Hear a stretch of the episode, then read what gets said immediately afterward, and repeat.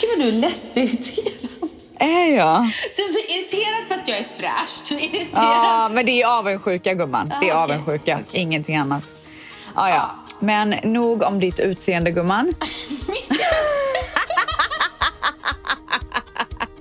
Du har inte gjort det där innan va? Jag bara nej, alltså vi, vi gör inte det i Sverige. Jag vet liksom inte. Fake it till you make it gumman. Alltså verkligen. Chansen om du får den. Vad kan hända? Ja visst, det har tagit hårt på mig. Jag har blivit hårdhudad många gånger för hård. Eh, men jag är inte rädd. Alltså, jag är öppen för möjligheter och jag ser dem och jag tar dem.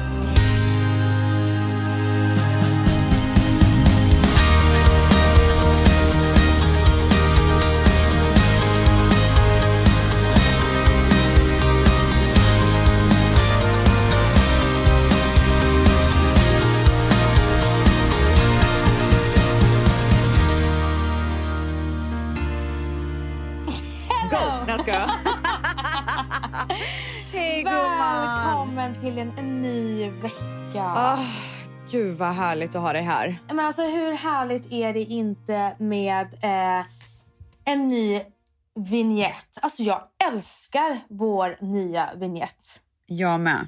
Den är life. Den är live och eh, det- det var vissa som sa att man ville ha den lite poppigare. Men gumman, alltså vi är ju, vi är poppiga.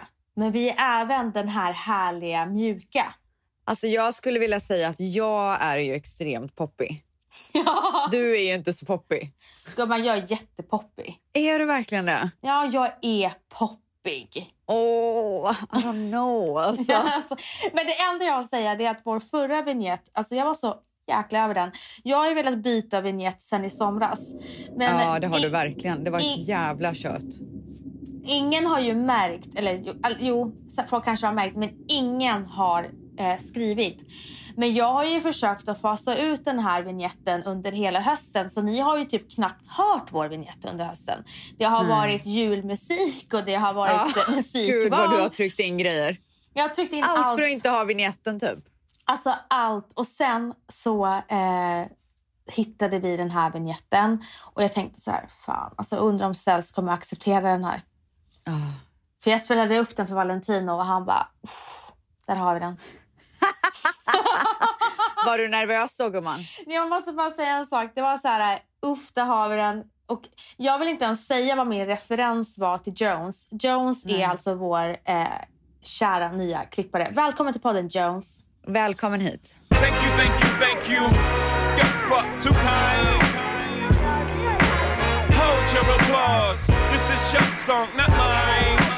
Nej, men jag skickade referenslåt till honom, men jag sa aldrig till dig vad jag skickade för vi- startade ju en egen chatt, jag och Jones. Oj! Ja, Gud, behind my back typ. Ja, men jag Jävla vågar- backstabbers. Nej, men jag vågade faktiskt inte. Jag vågade inte att du skulle veta vad det var för referenslåt. Nej, det var väl bra. Mm. Och vi behöver inte ha den sagt heller. Jag vill inte ens veta. Nej. Kommer väl bli äcklad då. Men sen är jag ju också anal. Jag tänkte så här, du slipper mitt anal-snack. Ja, så Anal- skönt. För att jag är ju inte så... Alltså, Nej. På riktigt, ja absolut. Man vill ju ha en härlig vignett. Men du är ju, alltså, du är ju liksom... Down to the T ska ju det vara liksom perfekt. Ja. För mig är inte det den största dealen typ. Nej, för mig är det så viktigt. Ja, jag vet. Ja, nej men så, eh, jag är så nöjd med valet och jag är ännu nöjdare att du godkände valet. Ja, men gumman, du har gjort ett lashlift i alla fall. Jag har gjort jag ett har ju... förlåt. Nej, men jag vill bara säga att jag, jag kan inte leva utan browlift eller lashlift. Det Nej, vet, vi pratade om det lite innan och jag har ju gjort... Jag har ju haft eh, eyelash extension så länge jag kan minnas. Mm. Alltså så många år. Men nu har jag inte haft det på typ... Hur lång tid? Två månader? Mer kanske? Ja, Vet- tre typ. Tre Men- månader, sen tog jag bort det. Mm. Och det är det skönaste jag någonsin har gjort. Och det snyggaste du någonsin kunde göra. Tycker du? Alltså jag skulle faktiskt säga det. Du la upp en bild idag på Instagram och jag bara fan vad bra att hon har gjort sig av med det här lash. Vad heter det? Extensions. Extension. extension. Men du, men gud, alltså helt plötsligt så ser man att mina ögon är gröna typ. Nej, men alltså, välkommen säger jag bara. Det är det Alltså jag, har fått, jag har fått så många DMs. Vilka linser använder du? Jag bara, nej, alltså jag har tagit bort mina fransar. Du har vackrare ögon utan. Alltså, det känns så mycket bättre.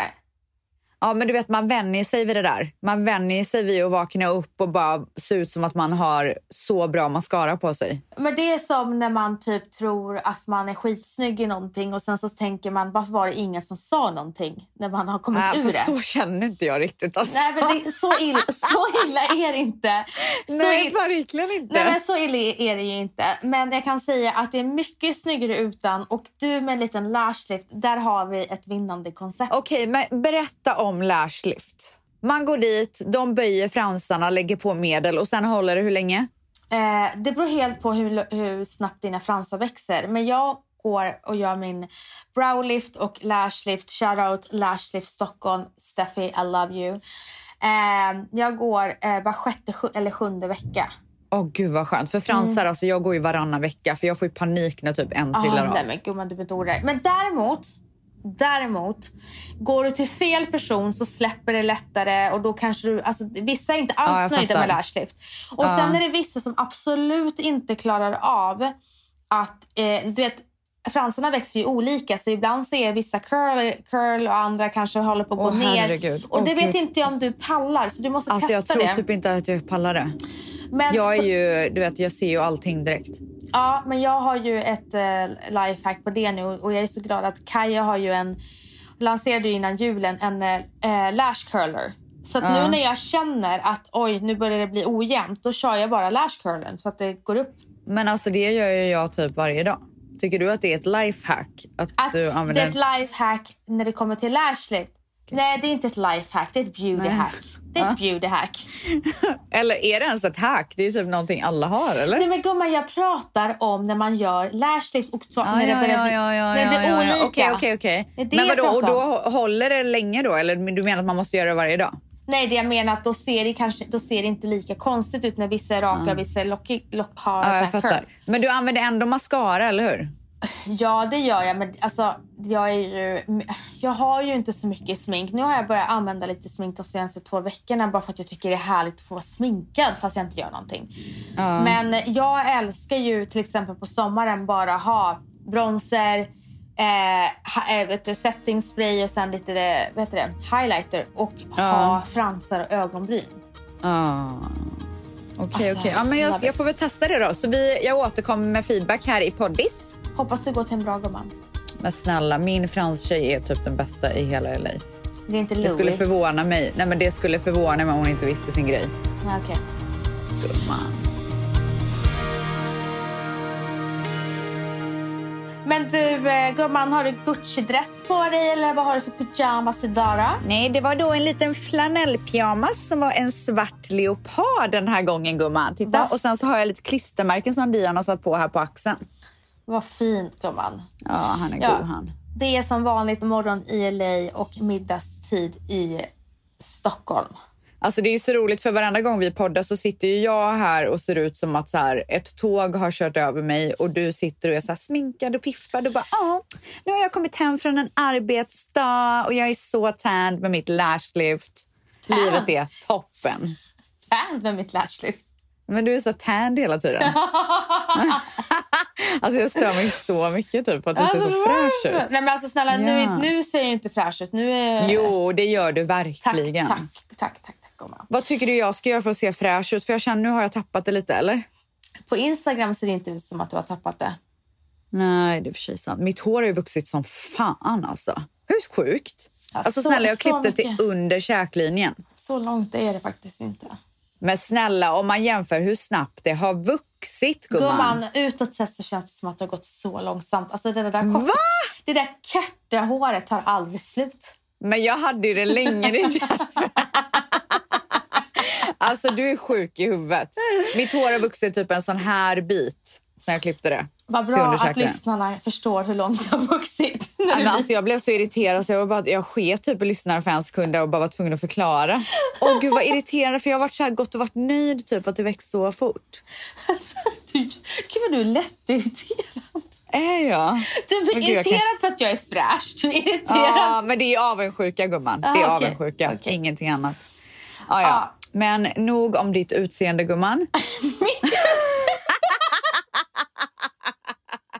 men du, vad tycker du om mina naglar? Kan vi inte bara prata om det? Älskar Gör det! Älskar! Varför? Alltså det, vet du vad, det är så jävla sjukt att du inte en enda gång har kommenterat mina naglar.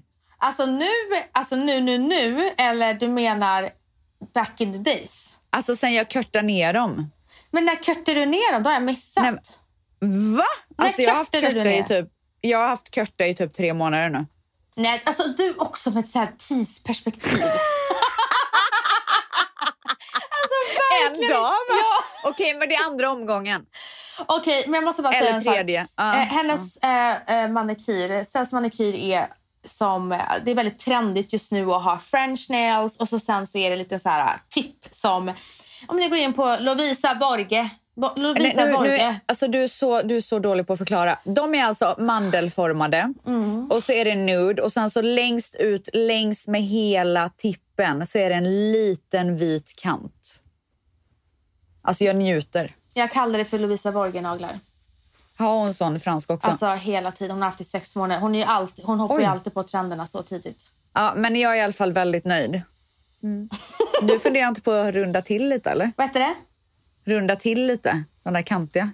Nej? Nej, för att, äh, grejen att jag har ju bara mina egna naglar och eh, Ja. ibland så blir nu, nu kanske de är långa.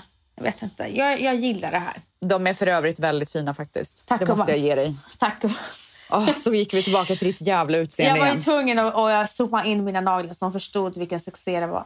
Ja, nej men för att det var verkligen succé på nära håll. men i alla fall, så, så jag har alltså gått från att ha två meters långa fyrkantiga naglar till att ha eh, korta, lite rundade och du säger ingenting.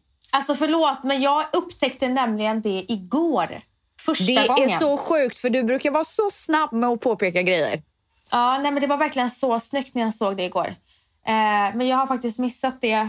Det enda jag kommer ihåg är dina tre meters långa. Jag kommer inte ihåg att du har kortat ner dem. Det är sjukt. Ja, ja. Nog om mig gumman. Alltså, nog om dig. Ja.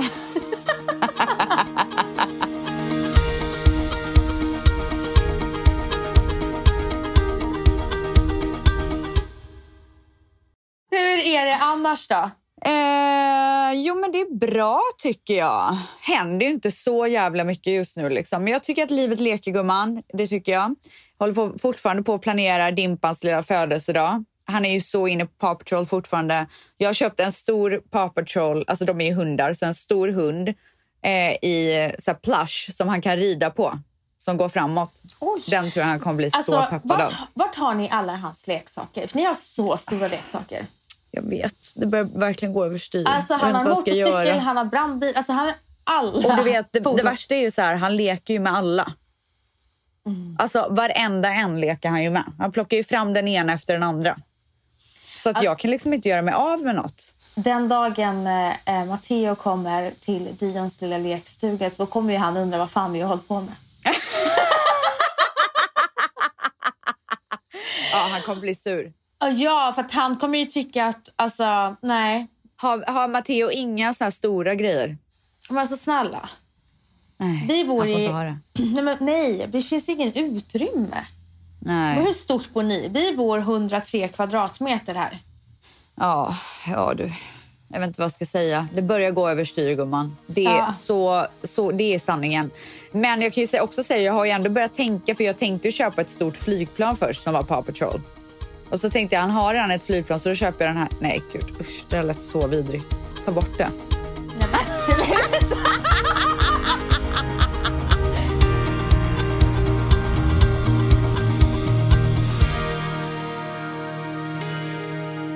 Häromdagen så kände jag så här. Nu ska jag, eh, jag pratade med min kompis som eh, har TikTok och typ älskar TikTok. Hon bara, det är så roligt för hon har startat en liten business eh, där hon säljer halsband eller så här smycken. Hon bara, jag har, blivit, jag har blivit rekommenderad så mycket av att vara på TikTok för att det finns ingen algoritm på samma sätt. Så att en video kan blow up. Man kan få så tre miljoner views. Och för en liten business som mig så är det verkligen värt att lägga den tiden. Hon bara, snälla kan inte du gå med? Typ, det skulle vara så kul och bla bla bla. Jag bara, fan jag ska ändå kolla in det här för jag har dragit mig så länge från, jag har ju inte ens haft appen liksom.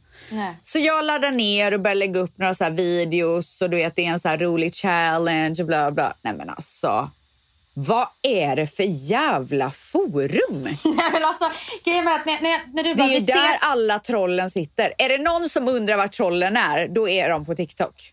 men nu kommer du bara, nu kommer ju alla sitta, du vet den här, den här äh, emojin med två ögon som bara, tudu.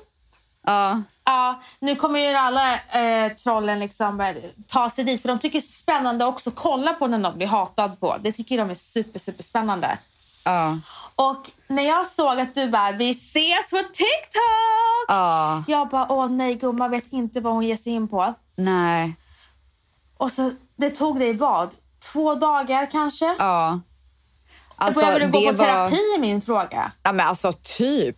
Kan vi ha en session liksom? Ja men alltså snälla behöver vi sätta oss ner och liksom rensa? alltså vi behöver prata. Ja, vi, behöver prata. landa. Vi behöver landa. Ja, ja. Vi, behöver, Okej. vi behöver gå in i oss själva igen. Så nu blir det ett eh, meditationsavsnitt. Before you start your manifestation meditation, clarify a particular goal or vision you Ska va? Vänta, vänta. Det här avsnittet handlar om förändring. Om energin som kommer 2021. Hallå? Är det någon kvar? Hallå? Jag måste få säga en sak. Och sen så, jag måste bara så säga till alla människor igen att så här, ni måste googla upp konstruktiv kritik. Alltså att säga att någon suger, det är inte konstruktivt. Nej, men i alla fall tillbaka till TikTok så pratar jag med en tjej som är ganska stor på TikTok och liksom hållit på med det väldigt mycket och hon berättar för mig att det finns veckor då hon loggar ut och inte kollar överhuvudtaget för hon pallar inte för hon får så jävla mycket ångest för att folk är så elaka där. Alltså förstår du vad sjukt? Ja, men det är så sjukt, men jag har ju vetat om det här ganska länge så därför jag inte ens har skaffat den.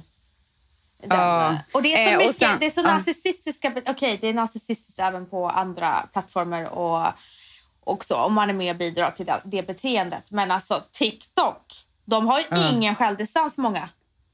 Nej men eh, det är utom denna värld skulle jag vilja säga. Nej, men så, så, och sen så var det också en annan kompis som mig berättade att hon, eh, en polis hade sagt till henne att eh, TikTok är där det föregår mest hat och mest liksom där de måste följa upp. Av alla sociala medier. Alltså Instagram känns ju som typ en kyrka i jämförelse med TikTok. Så, ett så här mysigt forum typ. Ja, nej men alltså där, där myser man bara typ. Ja, det, är därför jag gillar, eh, det är därför jag gillar Instagram, för att Youtube också är jättehårt klimat. Ja, det, det hörde jag också. Att det, Mm. Det är ehm, vidrigt. är det är sjukt alltså. Att folk pallar. Nej, men så jag stängde faktiskt av kommentarerna och typ eh, vet inte vad jag ska göra faktiskt för jag, det känns så jävla ovärt. Alltså det var det sjukaste. Ah, ja. Nej, men vi börjar, alltså, det är nästan skrattretande vad det är som händer. Jag vill typ att, alltså, en av anledningarna till att jag också vill att corona ska ta slut det är för att folk ska återgå till typ sin, sin, sitt liv ja men alltså för folk, ja, folk är så arga vet du. Nej men inte bara det, de har ingenting att göra många så de sitter ju bara och hittar fel hela fucking tiden. Och de sitter där med de här ögonen, emoji-ögonen och bara Ja. vart ska vi, alltså det är helt sjukt. Hoppas på att något ska hända så man kan hoppa på stormen typ. Ja, och sen så här, om det är typ tre personer som har skrivit så här, men det här är så jävla dåligt, då behöver inte 400 till skriva att det är så jävla dåligt. Men det, det Jo, måste, för alla ska ju ha sin röst hörd. mm, nej, men det är helt, alltså det, det, det är skrattretande vad som pågår just nu. Ah, ja, hur som helst, gumman, vi, vi kan inte pladdra mer om det här. Och eh, jag tycker vi går... Men jag vill också säga, förlåt, jag måste ju också, man måste ju också ge cred till de fakt- som faktiskt stöttar och är fina. För jag hade ju så många som gick på de här som hatade och bara, vad fan håller du på med? Liksom. Och det är ju så fint. finns ju många tvättisar där ute. Jag vill främst ge en shout-out till mina följare på Instagram. Ni är så jävla fina. Det Alltså är- shout out Alltså for shout-out. life.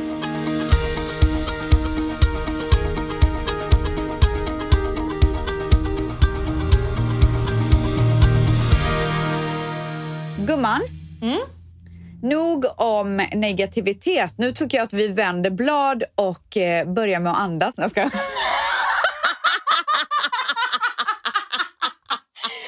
Förlåt, jag kan inte sluta. Varför varför för er som inte vet så var det en hel del människor i vårt älskade eh, Facebookgrupp som tyckte att vi hade eh, vi hade snöat in oss alldeles för mycket i vår andliga resa. De är så trötta på oss. Det var en tjej Och jag som, fattar. Jag Det- fattar ju. det var en tjej Det som är ju därför skrev, vi gör narr av oss själva. det var en tjej som skrev att hon, hon somnade typ sex minuter in på avsnittet.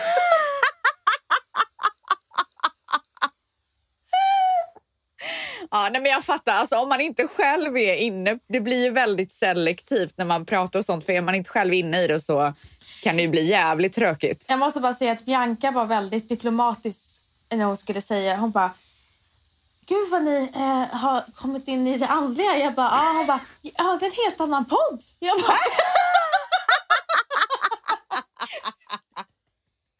Ja, så att nu, då, och då kände vi så här, nu måste vi ju ge någonting som alla kan tycka är kul.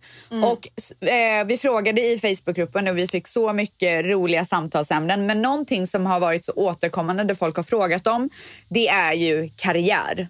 Så att det här avsnittet kommer handla om karriär och eh, lite så här, vi kommer toucha på hur vi började och våran bakgrund. Även fast vi har pratat om det innan så har vi så mycket nya lyssnare så att det kan vara kul att prata om det igen. Eh, och sen så ska vi svara på lite frågor också. ja. Så det blir kul. Häng med! Nej, ska. Så nörd. Så kära tvättisar, välkommen på Kick-Off med Ställs och Vans. Nu åker vi på konferens!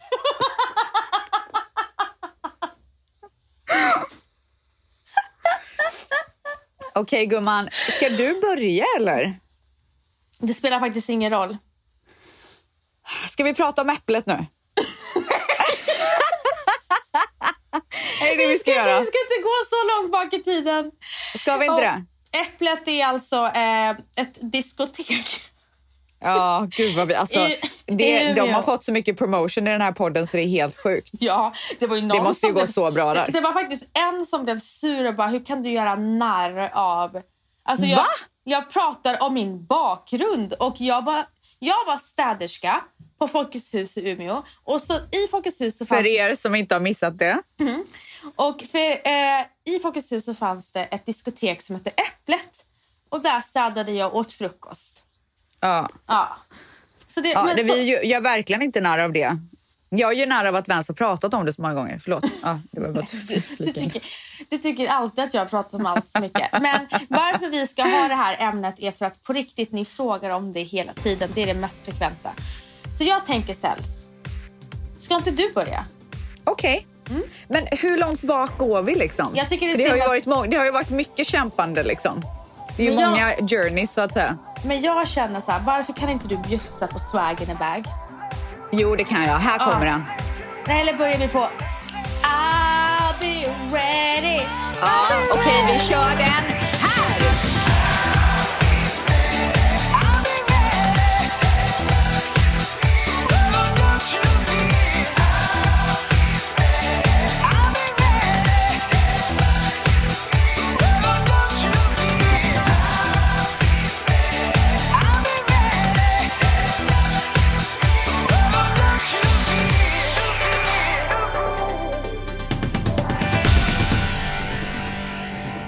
Okej, så här. Jag var i Spanien. Alltså jag har ju alltid varit så jävla rastlös. Jag har gjort allt. Så här, jobbat på McDonalds, jobbat som diskare, gjort det ena, gjort det andra. Jag har ju liksom alltid tagit det som har kommit till mig. Alltid, aldrig varit rädd för att eh, bli eh, get down and get dirty, så att säga. Jättekonstigt. Fy. Jag vet inte vad det betyder. Det lät jättekonstigt. Jag menar så här, kavla upp ärmarna. Åh fy fan, alltså vem är jag? Nej okej, förlåt. Nej men kavla upp ärmarna, jag har aldrig varit Ja. rädd för det. Och jag har Nej. speciellt aldrig varit rädd för att misslyckas. Jag har ju, alltså du vet så här, går det inte så går det inte typ. Så att jag åkte till Spanien för jag var så jävla trött på Borås där jag kommer ifrån. Och så hade jag en kompis som jobbade, som ägde lite olika pizzerior där. Så jag ringde honom och bara, du jag kommer, du får fixa ett jobb till mig. Han bara, men Rebecca du kan inte prata spanska, hur fan ska du jobba här? Jag bara, nej men eh, sätt mig där bak någonstans bara. Så då fixade han ett diskjobb till mig. Så jag stod där bak på pizzerian i disken i typ någon månad. Och sen så fick jag höra att eh, en, det, fan, det var en skandinavisk frisörsalong i den bo, byn som jag var i. Eh, och den norska tjejen som jobbade som frisör där skulle åka hem så att de sökte en ny frisör. Och eh, för alla som inte vet det här så har ju min mamma jobbat som frisör typ hela mitt liv. Hon ägde ju eh, en frisörsalong som hette Klick som låg eh, mitt i Borås. Eh, och där har jag vuxit upp så att jag kunde ändå så här, grunderna. Eh, jag kunde typ klippa okej okay, och kunde färga så här, de mest basic grejerna. Så jag går in där och säger att jag är frisör och vill ha ett jobb och får jobbet. Och där, alltså jag, jag ringer typ mamma från färgrummet och bara, eh, okej, okay, grått hår, hur täcker jag det? Vad ska jag blanda för någonting? Och hon får förklara. Så att jag var ju så jävla ny på det här. Mm. Alltså jag kommer ihåg en gång till och med så kom det in en tant, för det låg typ ett ålderdomshem, men där folk åkte från Norge för att komma till solen och var där i några veckor och sen så åkte de tillbaka. Mm. Förstår vad jag menar? Mm. Eh, så att det kommer, en av de här tanterna kommer in och vill lägga hår på spolar. Det hade jag ju aldrig gjort innan. Så att jag börjar ju rulla och bara hoppas på det bästa. Och sen så tar jag ut spolarna så jag bara, klart. Typ. Att kamma ut det liksom? Och släpper, ja, släpper iväg henne och jag kammar inte ut det. Oh, och då frågar ju den här, hon som ägde det, hon bara, du har inte gjort det där innan va? Jag bara, nej alltså vi, vi gör inte det i Sverige. Jag vet liksom inte. Ja, men sen så lär, alltså jag lärde Fake ju mig it väldigt till you snabbt. make it gumman. Alltså verkligen. Ta chansen om du får den. Vad kan hända? Nej, men, och sen så lärde jag ju mig väldigt snabbt för man är ju ändå händig liksom. Skojar bara. alltså varför är jag så vidrig idag? Ja, nej, men så, och sen så där i Spanien så blev jag väldigt bra vän med en dam eh, som typ så här, tog in mig och tog hand om mig lite grann för jag kände ju typ ingen där. Så jag hängde hos henne jättemycket och vi kom, hade så kul ihop och så säger hon till mig att jag, jag har en son som du skulle älska och kom, du, alltså jag tror verkligen att ni skulle komma så bra överens. Han kommer hit om två veckor typ. Så när han kommer dit så klickar ju vi direkt och blir skitbra vänner. Och eh, Han heter Fredrik Etoile och är eh, jätteduktig fotograf. Och Han eh, jobbade på den tiden för More som var Bingo Rimérs tidning. Mm. Så han bara, ska vi inte bara göra ett testshoot en gång för typ skojs skull och se om Bingo skulle gilla bilderna? Jag bara, lätt. Vet, hoppa på Ja, allt. såklart. Han var, Eh, ja. Det tyckte ju man var jättefett back in the days. Ja, så på den tiden så var det ju liksom det största som kunde hända. typ. Mm. Eh, och så vi, efter att ha varit ute typ en hel natt döfulla så kör vi plåtning i soluppgången på stranden. Och eh, efter det så skickar eh, Fredrik bilderna till Bingo och Bingo blir eld och lågor, sätter mig på avs eh, avsnittet på omslaget direkt. Så då fick jag mitt första omslag. Oj. Och sen så så spännande. Eh, och det var ju skitstort för mig. Alltså så här, lilla Rebecka från Borås skulle fin- finnas i alla tidningshyllor och typ på den tiden så var ju hela den grejen så jävla stor.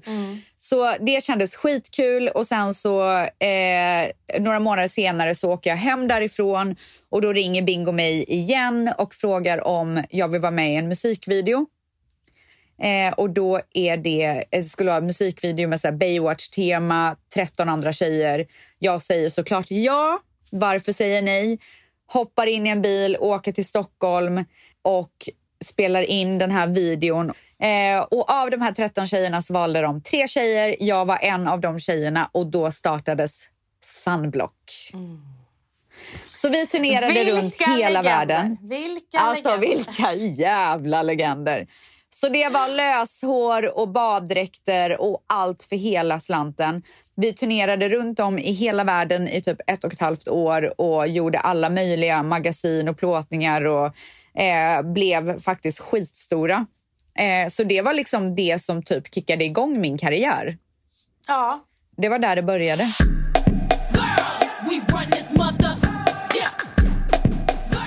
Sen blev ju du väldigt så här...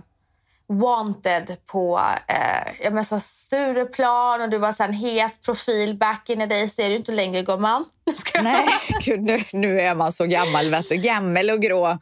Men ja, då, då, back in the days så var man lite het. liksom. Eh, och då eh, fick jag erbjudande från Vimal som äger Stureplansgruppen. Får jag fråga en sak innan du går vidare? Varför, Ja, och jättefint att du räckte upp handen, gumman. Det uppskattar jag verkligen. varför tror du att den här damen fick upp ögonen för dig? Du lyckades få den här, det här omslaget. Du blev eh, en av tre personer för Sunblock. Och att det gick så här för dig. Och för att när du var med i Sunblock och det var ju så här hett på den tiden och då öppnades ju så mycket nya dörrar. Varför, vad har du för egenskap? Jag är ju en go-getter. Får jag landa någonting i mitt knä så gör jag det till 100 procent och ser till att få ut någonting av det. Så har jag alltid varit. Och hela den här grejen att jag inte är rädd för att misslyckas.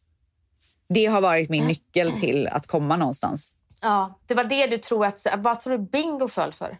Alltså jag tror bara att han gillade bilderna. Liksom. Ja, men sen så fortsatte han. måste ju tyckt att du var alltså, skön. Ja, alltså jag var ju inte den snyggaste i gänget, liksom, men jag tror bara att jag var så här hungrig och gjorde det som krävdes och liksom visade framfötterna. Och sen så har jag alltid varit supersocial, alltid kommit överens med alla. Hade du bra Eh. självkänsla back in days? Nej, men jag tror bara att jag har haft mentaliteten att så här, om jag ska komma någonstans så får jag ge mig fan på det. Liksom.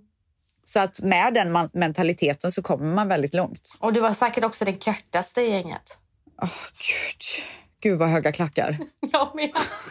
Alltså snälla. 16 centimeter sprang man runt med för att bli lång. Ändå Ah. blev man inte lång. Som man kämpade gumman. Ja, men ska vi spola Eh. framåt nu gumman? Nej, men sen så, sen så blev jag ju nattklubbschef. Ja. Dit vill jag ju komma. Och det Ja. var ju ett ganska stort eh, moment i mitt liv. Eh, en ganska stor resa, för jag höll ju på med det där i typ fyra år. Eh, och jobbade på Stureplan med lite olika nattklubbar med bara killar. Det var jag och alla grabbar.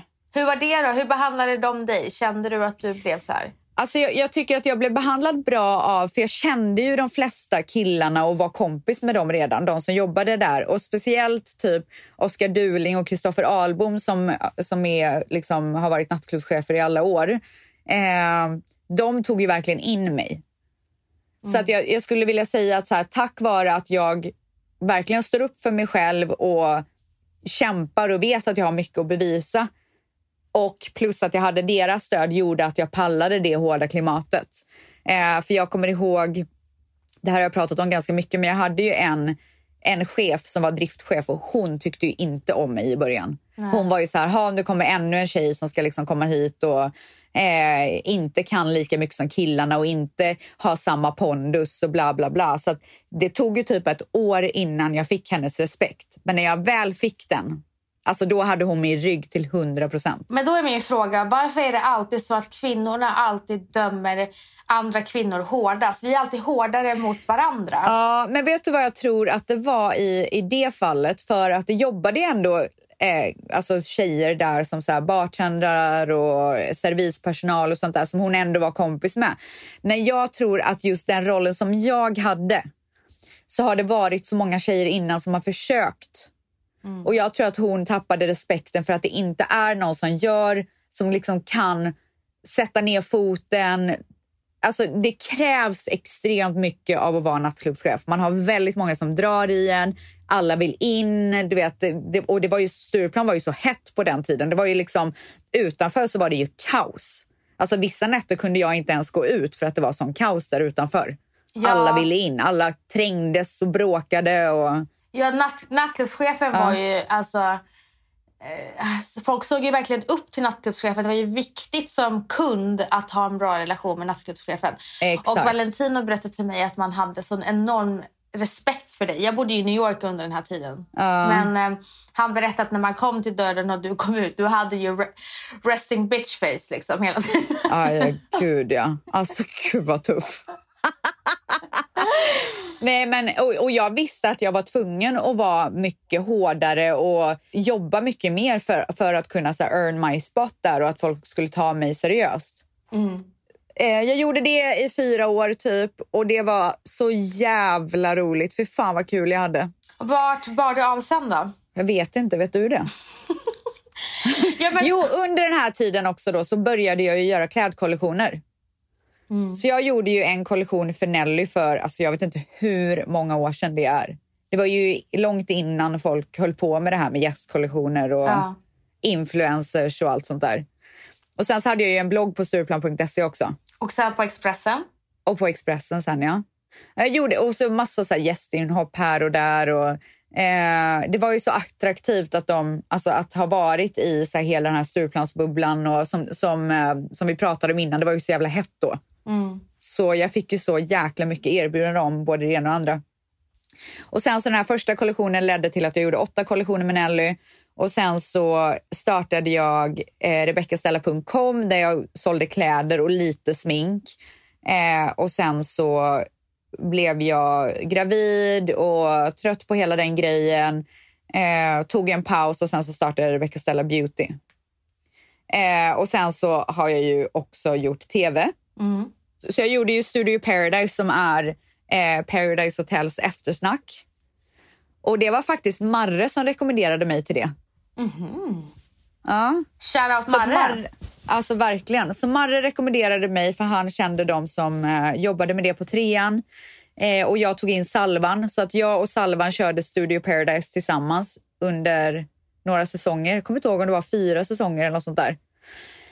Eh, och sen så slutade vi med det och så frågade de om jag ville göra Paradise Hotel som då gick på tv som jag har gjort i fem säsonger. Vilket var helt fantastiskt för det var ju verkligen din dröm när du satt i Studio Paradise att få det eh, kontraktet. Ja, alltså jag ville ju verkligen uppgradera från att ha suttit där i studion och intervjuat alla efter att få göra det här stora programmet också. Och sen så fick jag det. Det var ju helt fantastiskt. Och att jag fick göra det så, mycket, så många gånger, liksom att de frågade mig gång efter gång. Det är jag så glad för. Men eh, skulle du vilja ge ett tips till... Eh, vad, vad är ditt karriärstips för att nå sina drömmar? Alltså jag tror att det absolut viktigaste är, som jag har sagt så många gånger under den här storyn, är ju att man absolut inte ska vara rädd för att misslyckas. För är man det, då kommer man aldrig ta några chanser och då kommer man ingenstans. Att köra safecards är ju, alltså så här, det är absolut att man ska tänka hundra steg innan man tar ett beslut. Det är jättebra att value the situation, men, men man får inte vara rädd för att det kanske inte blir som man har tänkt sig. Nej. Blir det, blir det inte som man har tänkt sig så kanske man kan göra någonting annat eller typ göra det igen. Det är väl inte mer än så liksom. Ja, och sen så har man ju insett att folk är så rädda för förändringar. De gillar Ja. inte förändringar. Jag gillar inte heller förändring, för mycket förändringar. Nej. Men varför vi har tagit oss dit vi är idag är för att vi vågar att förändra. Vi vågar att släppa taget, vi vågar att gå vidare. Vi vågar satsa, vi vågar förlora. Det är det det handlar om. Ja. Och sen att man umgås och gör saker som inspirerar en. Alltså är du i det här ständiga vardagslivet där du inte får någon inspiration, men då är det faktiskt ditt ansvar att hitta dina sätt att bli inspirerad. Att se andras framgångar som inspiration och inte så här varför kan de åkte på den här personen fick räkmacka för att den kände den och den. Alltså sätt Ja. inte såna Sätt inte såna frön i universum. Tänk på love attraction. Ja, och jämför er inte med andra för att alla har ju sin egna resa och jag tror att det är det absolut värsta man kan göra. Att man är så här, men varför har den personen kommit så långt och varför fick den personen eh, det jobbet eller det är det absolut farligaste man kan göra. Ja, men tack Ställs. Varsågod gumman!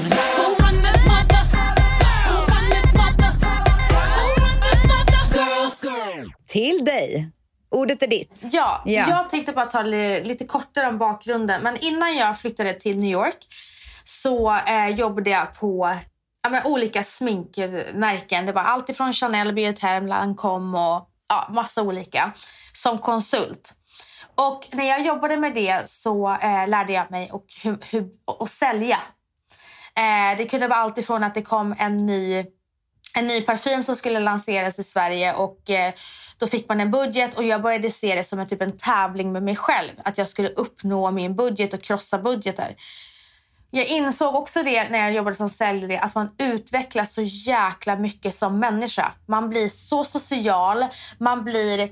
Att träffa nya människor och prata med människor på det sättet som man gör i butik, det är så utvecklande. Hur man ska hantera vissa personligheter och allting. Så jag tyckte det var svinkul och jättelärorikt. Men jag ville ju någonting mer och det var ju att jag hade en dröm att få en internationell utbildning. Och det ni frågar mig jämt är så här, vad gick du i för, vad gick du på för utbildning? Och när jag bodde i New York då fanns, alltså Instagram tror jag kom sista året i New York eller Ja. näst sista året, nej förlåt, näst sista året i New York känns, tror jag. Det fanns inga så här social media-klasser eller kurser eller något sånt där. Så att det, ni som frågar om det, det, det fanns inte. Så jag gick en väldigt allmän eh, utbildning som hette Business Administrative med inriktning marketing och jag tog min eh, kandidatexamen eh, på eh, Berkeley College i New York som de flesta svenskarna. Och det var svinkul. Det tog eh, tre och ett halvt år. Och efter det, så, och många frågar hur jag finansierade min utbildning. Det var med sparade pengar och jag fick eh, hjälp av min kära, kära mamma. Eh, och sen så fick jag Men ett du jobb. fick väl CSN-lån också? Ja, men det gick ju bara till eh, in, alltså min eh, avgift till skolan. Det gick ju inte någonting okej. till lägenhet eller någonting annat. ja. Eh, och sen så eh, när jag var klar med min utbildning så jobbade jag eh, ett tag i nattlivet. Eh, knöt massa kontakter. Nattlivet, där knyter du kontakter. Eh, Ja, träffade- verkligen. Alltså, Alltså- så mycket folk som man lär känna när man jobbar nattklubb. Det är helt sjukt. Det är helt sjukt. Det är en dörröppnare att jobba i nattlivet. Ja. Om du är sharp. Alltså, det är inte bara, jag var ju väldigt så här, business många gånger när jag var ute. Eh, träffade bra människor och så. så att dörren Nätverkade helt enkelt. Ja, jag nätverkade. Eh, och eh, hade extremt bra kontakter i New York eh, inom allt. Och det var även så jag fick mitt, eh, mitt jobberbjudande i New York. Eh, Det var via mina kontakter i nattlivet. Så jag började jobba på en eh, PR och eventbyrå som Och då, då fick du hjälp med ditt visum via dem? Eller hur? För det undrar ju folk väldigt mycket hur man liksom kan Mm. Det- jobba i USA. Exakt, det finns ju olika visum. Eh, vissa är svårare, andra är lättare. O1 är typ det bästa visumet du kan ha och det är outstanding visum. Vilket är om du är typ artist, alltså att du har någonting, en outstanding talang. Eh, sen har vi J1 tror jag och den hade jag. Eh, och den Okej. förnyar du typ, jag tror att du får förnya, jag tror att du får ha den i ett och ett halvt år eller två år. Jag kommer inte ihåg. Och sen så har du någon annan som med någonting med H, jag kommer inte ihåg det. Och det är eh, när, när eh, företaget står för eh, visumet och du måste jobba på det företaget för att vara kvar i landet. Just det. Så jag eh, löste det eh, genom eh, mitt företag. Eh, och jag jobbade med events. Allt ifrån Fashion Week till eh, massa andra events. Och sen så jobbade jag med brand partnerships. För vi representerade eh, vissa eh, kändisar eller modeller. Och eh, satte ihop sponsorship med dem. Och jag kan säga att Fashion Week var den vidrigaste perioden på hela året. Ja, det kan jag tänka Det mig. var fruktansvärt. Jag trivs inte i fashionbranschen. Jag tycker att det är extremt ytligt, speciellt i New York. Folk är rätt elaka, eh, dryga. Och jag som inte kollade så mycket på TV, det var mycket reality och det var mycket ja, såna där kändisar som hängde på Fashion Week och andra kändisar. Och jag var inte så kändisinsatt i USA. Nej, Så när ja. jag skulle stå på röda mattan och välkomna in folk så hade jag ett eh, one sheet heter det, med bilder, alltså porträtt. Ja, för fan. Alltså, det där gjorde ju jag, för jag var ju MTVs eh, representant i Milano när det var MTV EMAs. Mm. Och Då stod jag på röda mattan och jag har, alltså, så här, jag har inte så jävla stor koll på kändisar. Så jag fick ju sitta och plugga, alltså typ 15 A4-papper med bilder, vilka det var, så att jag liksom kunde ta rätt folk. Alltså På röda jag mattan. också. Och jag hann inte med för att vissa såg inte ut som de gjorde, i verk- alltså, som de gjorde på bilden i verkligheten. Och sen så fick jag typ en utskällning för att jag lät någon från the million dollar listings eh, vänta för länge. Jag kollade inte på det programmet. så jag bara, vad fan är det här? Det här långa ki-" Alltså ingen aning. Så det var, det var vidrigt. Det var, det var inte kul. Och det var även där jag också insåg i New York när jag, när jag var den. Jag var ju event director så jag höll i alla trådar. Jag trodde att det var mitt drömjobb. Ja. Men det var där då jag insåg att jag aldrig någonsin vill jobba med events. Men så bra, då, då har du testat på det. Och Det Mm. är det som är nyckeln. Det är därför man inte ska vara rädd för att göra grejer. För om man inte testar då vet man ju inte vart man kan komma och vart man vill komma. Exakt. Och men det jag tyckte var svinkul det var ju musikevents som vi pratade om. Ultra i Miami och festivaler. Det var ju så jäkla kul. Men eh, sen så eh, blev jag ju kär i, Valentino så att jag bestämde mig för att åka hem och eh, säga upp mitt visum som jag hade jobbat för i sju års tid. Ja. Det var ju hela Plus poängen. att jag kommer ihåg när du var hemma Mm. och kämpade för att få det här jävla visumet. Mm. Sömnlösa nätter. Ja, alltså i månader. För att och du är i en beroende position till företaget i New York. Så att Ja. de är ju kanske inte lika brydda om att du ska få det här visumet om du Exakt. inte är liksom sjukt, sjukt viktig. Så jag var ju hela tiden rädd att de skulle så här, dra sig ur. Mm. Men hur som helst, jag tar mitt pick och pack, eh, säger upp mitt visum. Min chef gråter. Hon bara, det du har gjort här har förändrat kulturen och det var så jävla fint. Wow. Jag fick till och med henne göra sig av med sin partner som bara drog ner eh, företaget. Eh, som var så glad över det. Ja. Kommer hem, eh, hinner vara hemma i typ så här, tre månader och sen så ringer Ställs på min telefon. Lille Stellis. Lilla Stelle säger, hej gumman, jag är ute med Idi, alltså hennes hund. Eh, vi möts på eh, Roslagsgatan, korsningen Surbrunnsgatan. Kommer väl jag ihåg. Ja, Ehm. så typiskt dig. Du kommer väl ihåg vilken tid också och vad vi hade på oss. Nej, men det var sommar. Eh, Ja. Du säger så till mig, Vans, nu är det så här.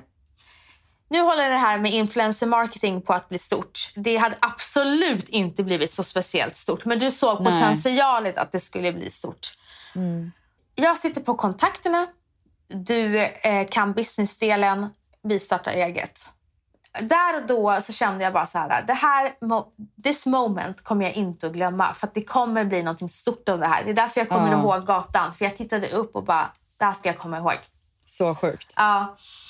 Eh, vi startade det här eh, företaget. Eh, jag har ju noll pengar typ och eh, jag går på en frukostkonferens eh, med min, eh, en gammal vän som också blir med i det här tåget. Och när vi sitter på den här frukostkonferensen så sitter en kille och vi bara börjar snacka med honom och så berättar jag bara om det här. Och då säger han, jag investerar. Ja. Så på den morgonen så hittade vi vår invest- investerare. Mm. Eh, och sen så startade vi igång vår influencer marketing eh. Eh, och typ ett och ett halvt år senare så blir vi uppköpta av ett börsnoterat bolag som heter Torn som jag fortfarande jobbar för idag.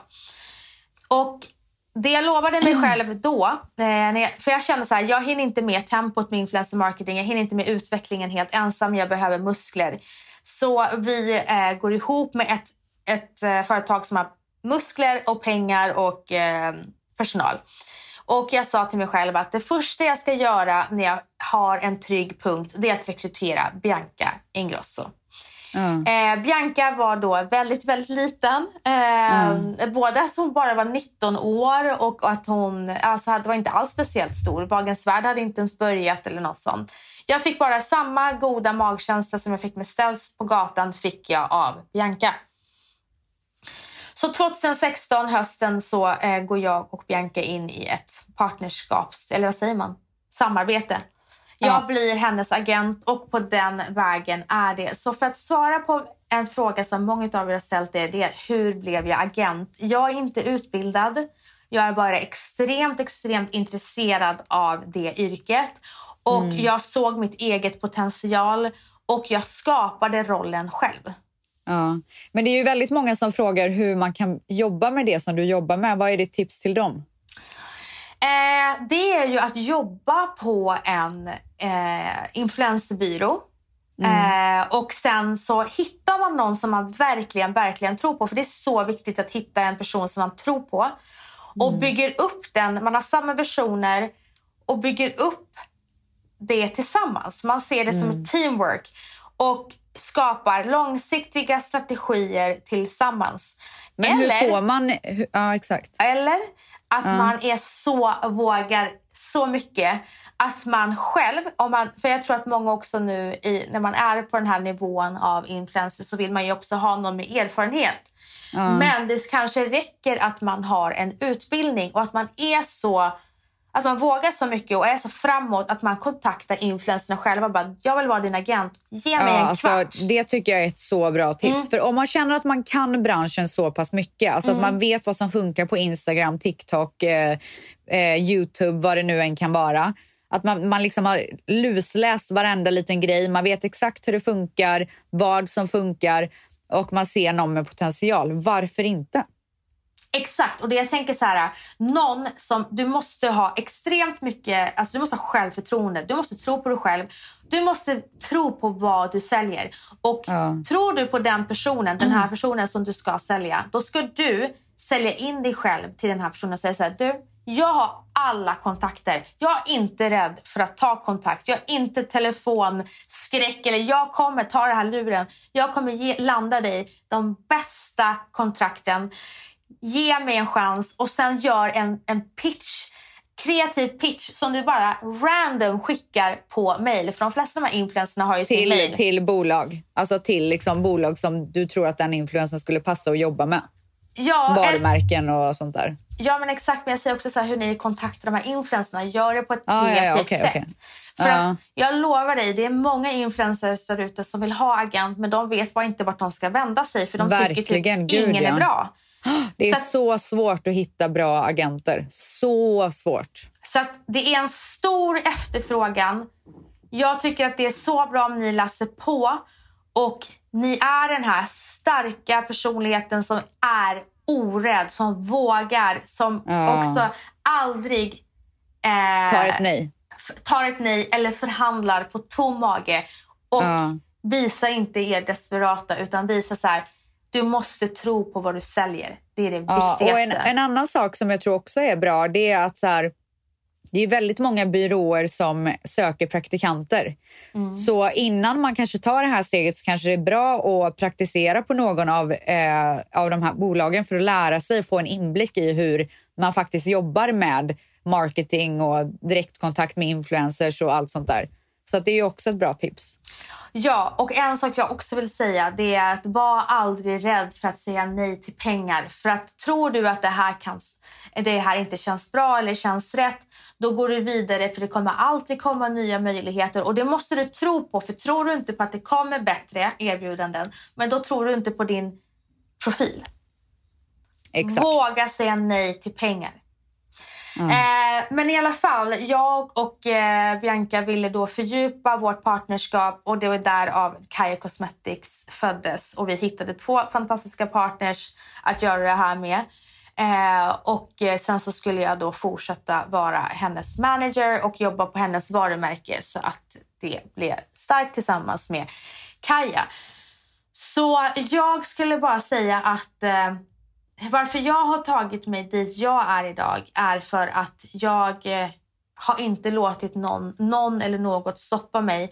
Ni som har hört den här podden eller lyssnat på den här podden länge vet att jag hade en extremt tuff period i New York med ett eh, destruktivt förhållande som eh, misshandlade mig psykiskt. Min mamma ringde och sa till mig att Vanessa, nu är det du som kommer hem. Och då sa jag aldrig i livet, jag sätter Ja. inte min fot i Sverige tills jag har fått min utbildning. Jag är målinriktad och jag vet att det är värt det at the end of the day. Och ja visst, det har tagit hårt på mig. Jag har blivit hårdhudad, många gånger för hård. Eh, men jag är inte rädd och jag är absolut inte... Alltså, jag är öppen för möjligheter och jag ser dem och jag tar dem. Och jag tror att om man börjar ta det där steget där man liksom, om man nu är lite rädd och inte vågar, men att man ändå utmanar sin rädsla och tar första steget till att göra någonting som man är rädd för. Då tror jag att det kommer bli så mycket lättare andra och tredje och fjärde gången. Man, ibland måste man bara slänga sig ut. Exakt. Så det var våran resa.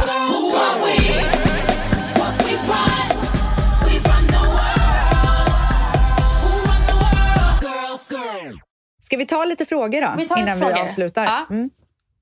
Okej, men det här, här har vi ju en fråga som många jag tror sitter och funderar över. Som vi har pratat om lite. Hur ska man våga ta steget och bryta sig lös från sitt trygga jobb och satsa på eget företag?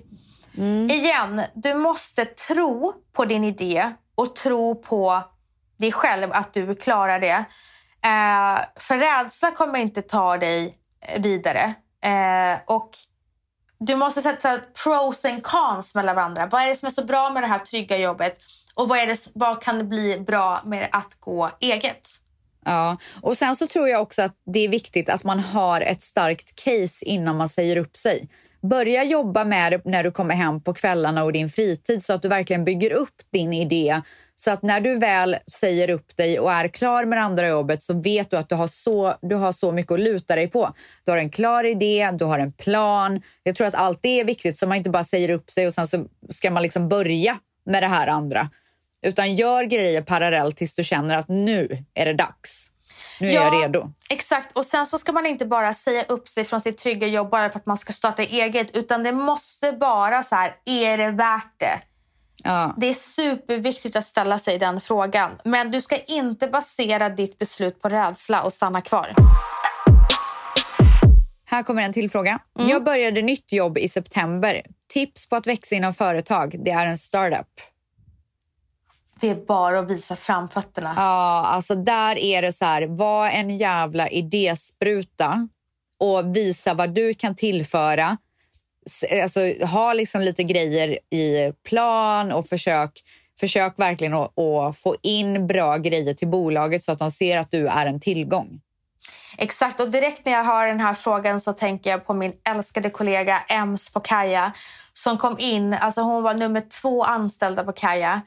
Och det hon gör och har gjort för oss är helt fantastiskt. Alltså hon är ju en del av Kajas identitet. Och det är för att hon har visat liksom i rummet hur viktig hon är i Man måste vara så jävla hungrig. Ja, och det är precis det hon är. Och hon visar Ja. liksom att jag ger fan inte upp och jag går fan inte hem. Nej. Eh, och man känner att man är en del av företaget. Det är nästan som att du ska känna att du är startup. Tänk att du kanske till och med har möjlighet att få optioner i företaget. En möjlighet att bli delägare i företaget. Det är så viktigt. Och du ska veta en, en duktig, en bra arbetsgivare kommer att göra allt för att du ska bli motiverad och stanna kvar om du gör ett bra jobb. Exakt. Hur, det är många som frågar hur man ska förhandla när det kommer till lön. Ja. Och det är samma sak där. Du ska in i det där rummet och tro på att du förtjänar det du ska förhandla upp till. Du ska, du ska stå, se, vara där bekväm och veta liksom att det här är jag värd. Dock så är det superviktigt att det finns en balans mellan vad du är värd och det, vad som är realistiskt. Du må, kan inte bara gå all in. Exakt. Eh, så att tro på dig själv. Det, alltså när du löneförhandlar då måste du komma ihåg att du säljer dig själv. Du säljer in dig själv. Så förhandla med ödmjukhet men förhandla med vad du förtjänar. Exakt. Och Jag tror också att det är viktigt att man ser det som en förhandling. Så att om du ger ditt pris på det du vill ha, det betyder inte att de kommer ta det eller säga nej, utan det är ju då förhandlingen börjar.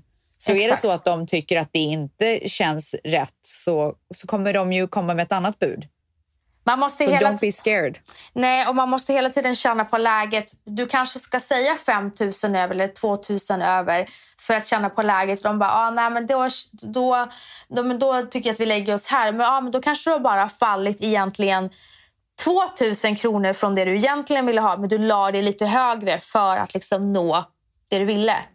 Ja. Det är hela tiden en balansgång. Det här är, tycker jag är en sån, ett så lätt svar. Vad är Ja. viktigast? Jobba med något kul eller bra betalt? Om det inte går att välja båda. Alltså 110 jävla procent något kul. Ja, för att vem vet vart du kan vara om ett år? Jobba upp dig så att, du, så att det både blir kul och bra betalt. Men att sitta i något jobb som man inte trivs med bara för att det är en bra lön, alltså det, det är ju död för själen. Precis, och eh, tycker du att det är kul så kan du bli proffs på det. Då, kan, då finns det inga gränser på hur långt du kan gå. Så helt klart det. Tror ni det finns bra och dålig timing i livet att satsa på ka- karriär? Exempelvis före familj med småbarn och så vidare. Alltså jag tror ju att allting handlar om timing. Och jag tror att man, man, det är ju därför jag säger att eh, jag har tagit det som har fallit mig i knät för att det har handlat om att där och då är det bra timing. Sen så är det ju en klurig fråga det här med skaffa barn, då kanske min karriär tar slut eller tar stopp ett tag och vad ska man göra i det där? Men, men jag har märkt, det är klart att så här, det första året eller framförallt första halvåret är ju mycket med barnet. För då behöver de ju dig så jäkla mycket. Det kommer de ju alltid göra, men det är, på ett, det är väldigt mycket mer intensivt det första halvåret. Men efter det så tycker jag att jag själv blev mycket bättre karriärsmässigt för att jag var, jag var så duktig på att sålla ut det som jag tyckte var time consuming. Jag visste vad jag ville fokusera på och jag visste varför jag gjorde det. Jag gjorde allt för Dion. Mitt, alla mina val i min karriär just nu är ju för att jag ska ge Dion en bra framtid. Så jag tycker det har ju blivit en morot för mig som jag, inte, alltså, som jag hade innan fast på ett helt annat sätt. Så jag tycker inte att barn stoppar en överhuvudtaget. Sen så handlar det ju om tid och vad man har för typ av hjälp och allt sånt där. Ja, precis. Alltså, det kan ju vara ekonomiska som stoppar den. Eh, Att man inte har råd att plugga och ha barn. Men ja, det handlar om timing. Men eh, ja, jag tycker allting handlar om timing. Men jag har också svårt att... Alltså, allting är så himla individuellt. Har du ekonomiskt knapert, ja visst är det svårt då att plugga och ha barn. Det kanske man ska vänta tills man får ett jobb och kommer igång eller så. Men eh, svar på din fråga, ja visst finns det dålig timing. Det gör det. Ja, och som du säger, det är så individuellt så man måste bara tänka utifrån en själv och hur man kan göra situationen bättre. Men däremot så tycker jag inte att så här, som, som många som inte har barn tänker att livet tar stopp för att man skaffar barn och då ska man bara fokusera på barnet och man kan inte göra karriär. Det håller jag inte med om. Nej. Okej, eh, när startade ni era första bolag och hur försörjde ni er i början eh, innan det började gå plus? Eh, jag startade mitt första bolag 2014 och eh, jag, jag och Valentino levde på hans lön i ett och ett halvt år. Det var så vi gjorde. Ja, jag eh, startade mitt första bolag... Gud, jag alltså, kommer inte riktigt ihåg, men det var ju där jag fakturerade för alla mina jobb. Jag har ju alltid gjort så jävla mycket olika grejer. Men jag tror att det var typ när jag började blogga och eh, då tjänade jag ganska bra pengar från början. Det var därför jag startade bolaget, för att jag skulle kunna fakturera. Ja, Så- kanske 2010, 2009. Ja, något sånt där. Tror ni att kontaktnät är A och O när det kommer till att kunna nå nya höjder i sin karriär? Eh, det finns två vägar som många går. Eh, vissa har absolut inget kontaktnät utan de är bara extremt hungriga, kommer in som praktikant kanske i ett bolag och bara visar framfötterna och flyger. Det har jag sett. Eh, sen finns det de som pluggar och eh, går in på LinkedIn till exempel och hittar ett jobb där och lyckas för att de har så himla bra eh, ja, men meriter när det kommer till plugget. Eh, men jag skulle säga att lättaste sättet att få ett jobb det är ju via ett kontaktnät och det vet jag ju av erfarenhet i och med att jag hade inte fått den här möjligheten att jobba med influencer marketing om det, eller inte på det här sättet i alla fall, om det inte vore för att eh, Stells gav sitt kontaktnät till mig och jag, I managed it. Jag kapitaliserade på Stells kontaktnät. Och det var så vi startade mitt första, vårt första bolag. Så att på det, och sen har jag även sett, jag, jag, jag, mina vänner eller kontakter, när de söker jobb, jag har ju jättemycket kontakter och jag hjälper dem att få jobb. Ja. Så ja, Precis, ta hjälp av era vänner. Om det är så att ni inte har mycket kontakter så är det alltid någon som har någon bra kontakt. Så, så lite frön överallt. Och sen så ska man inte glömma the power of social media. Du kan hitta vem som helst på sociala medier. Var inte rädd att kontakta folk. nej. Eh, sista frågan, sen måste vi avsluta. Hur hanterade ni prestationsångest tidigt i karriären? Jag gick ju igång på min prestationsångest. Eh, ibland tippade den över och blev alldeles för mycket så att jag mådde dåligt. Men då var det fel produkt och fel eh, företag. Men när jag till exempel jobbade med eh, smink och med parfym så tyckte jag det var en sporre för mig. Jag, jag, jag vände min prestationsångest till någonting positivt och jag märkte hur jag fick som bensin av den och blev ännu bättre säljare. Så jag försökte se det på det sättet. Eh, men ibland tog det över och hur gjorde jag då? Ja, men då sa jag så ja, men det här blev en jäkla skitdag. Imorgon så tar jag det lite lugnare. Ja, alltså jag har aldrig haft prestationsångest någonsin förrän jag startade Becka Stella Beauty. För att jag vill så gärna att det ska bli något riktigt bra av det. Så att jag har ju haft alltså så här, lanseringar där jag typ, alltså jag har så ont i käkarna när jag är klar med lansering för att jag är så nervös för hur det ska gå. Det har jag aldrig, aldrig känt innan. Och det är fan, alltså det är riktigt jävla jobbigt. Den stressen är inte kul. Nej. Så jag måste säga att jag förstår verkligen alla er som har det. Äntligen så fattar jag. Och det jag gör är att jag försöker att intala mig själv att det inte är hela världen om någonting inte skulle sälja så bra och att det inte liksom står och faller på det. Eh, men det är någonting jag jobbar med fortfarande. Ja, det är, alltså, vi, all, vi alla lider av prestationsångest. Eh, men det är också hur man använder sig av det också. Och jag försöker att vända det till bensin, men det är inte all, alltid det går. Nej. Men tack för eh, alla era eh, frågor. Jag skulle Ja, vilja tack. avsluta med en... eh, Trå- Meditation? Nej. Nej. Oj, en tråkig grej. Ja, en tråkig grej faktiskt. Va? Jag ska faktiskt försöka hålla mig från att gråta. Nej men gud, vad är det som händer? Det är faktiskt jättesorgligt. Um, jag vill inte gråta, för jag vill verkligen att det här ska handla... Alltså, jag vill inte ta hennes... Alltså, så. Oh my god. Det är en tvätt... Nej, men gud, jag börjar gråta. Nej men vad är det? Åh gud.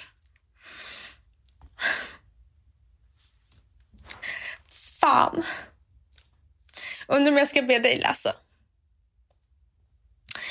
Nej, men det är en tvättis som... Som har lämnat oss. Va? Det är en... Hon lämnade oss efter en hård kamp mot psykisk ohälsa. Ehm, jag ska läsa. Hennes kompis skrev till mig. Åh herregud. Och det värsta är att eh, det skedde exakt med energiskiftet den 20 januari. Som vi pratade om i förra veckan. Men här kommer det. Hej! En gumma har lämnat jorden. Igår somnade den finaste gumman in. Efter en lång och hård kamp mot psykisk ohälsa. Hon lämnar efter sig sin underbara son på tre år.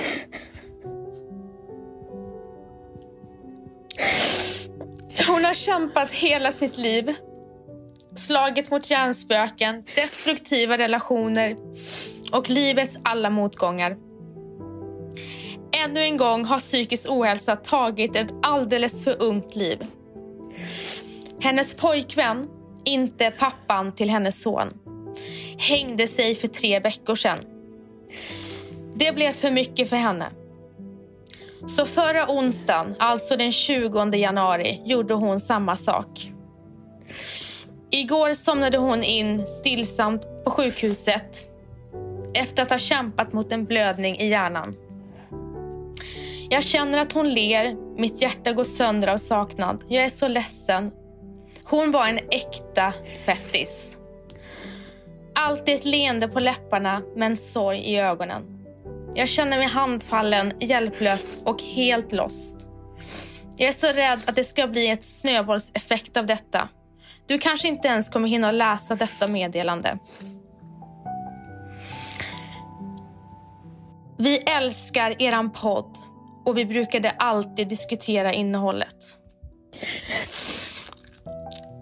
Vi får aldrig sluta kämpa för människor med psykisk ohälsa. Vi står starkare tillsammans. Hennes backe blev förbrant och ingen har ifrågasatt varför hon gjorde det. För att alla vet vilket helvete hon har gått igenom. Himlen behövde hämta sin starkaste krigarinna. Hon heter Mikaela och hon blev bara 24 år.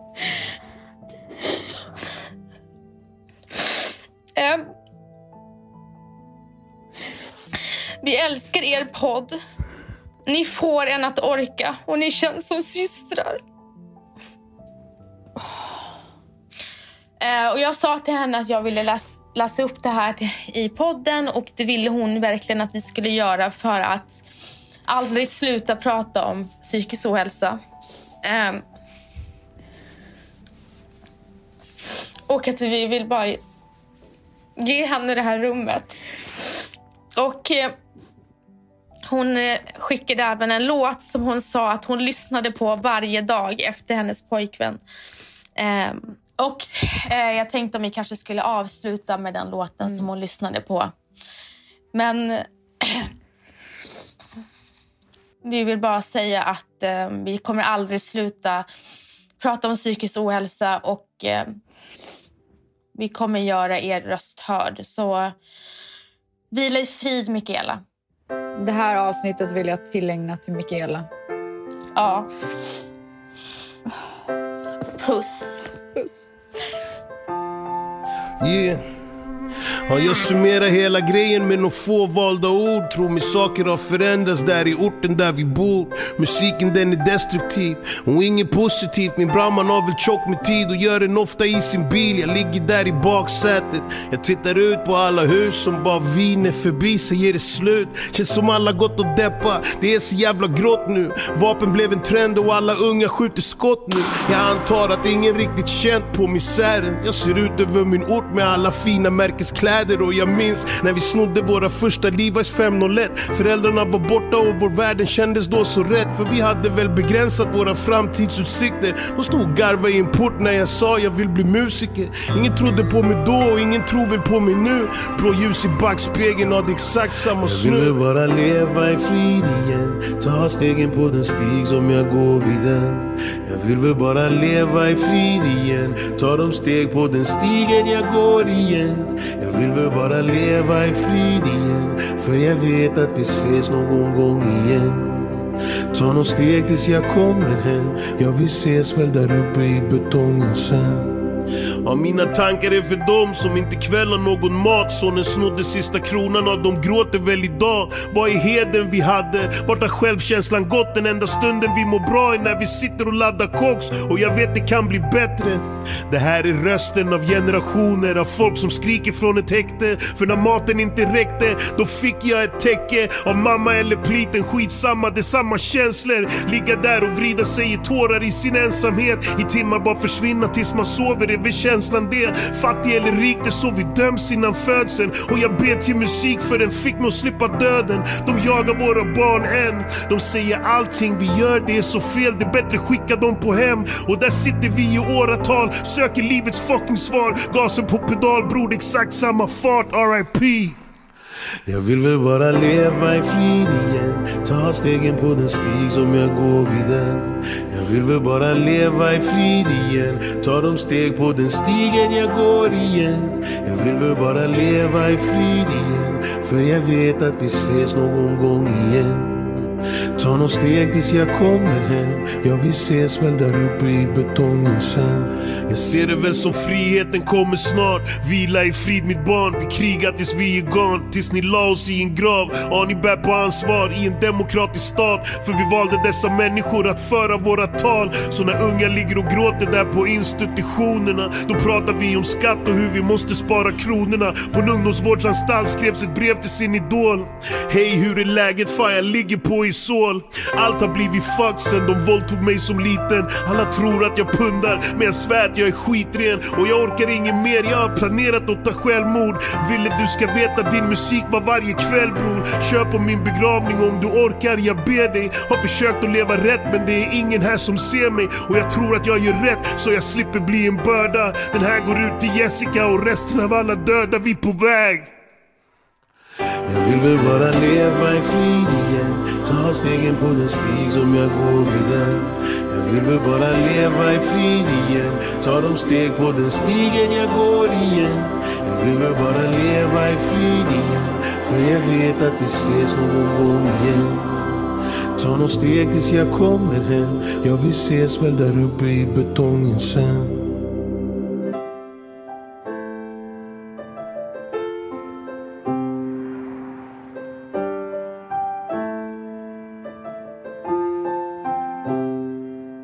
podcasten är producerad av Perfect Day Media.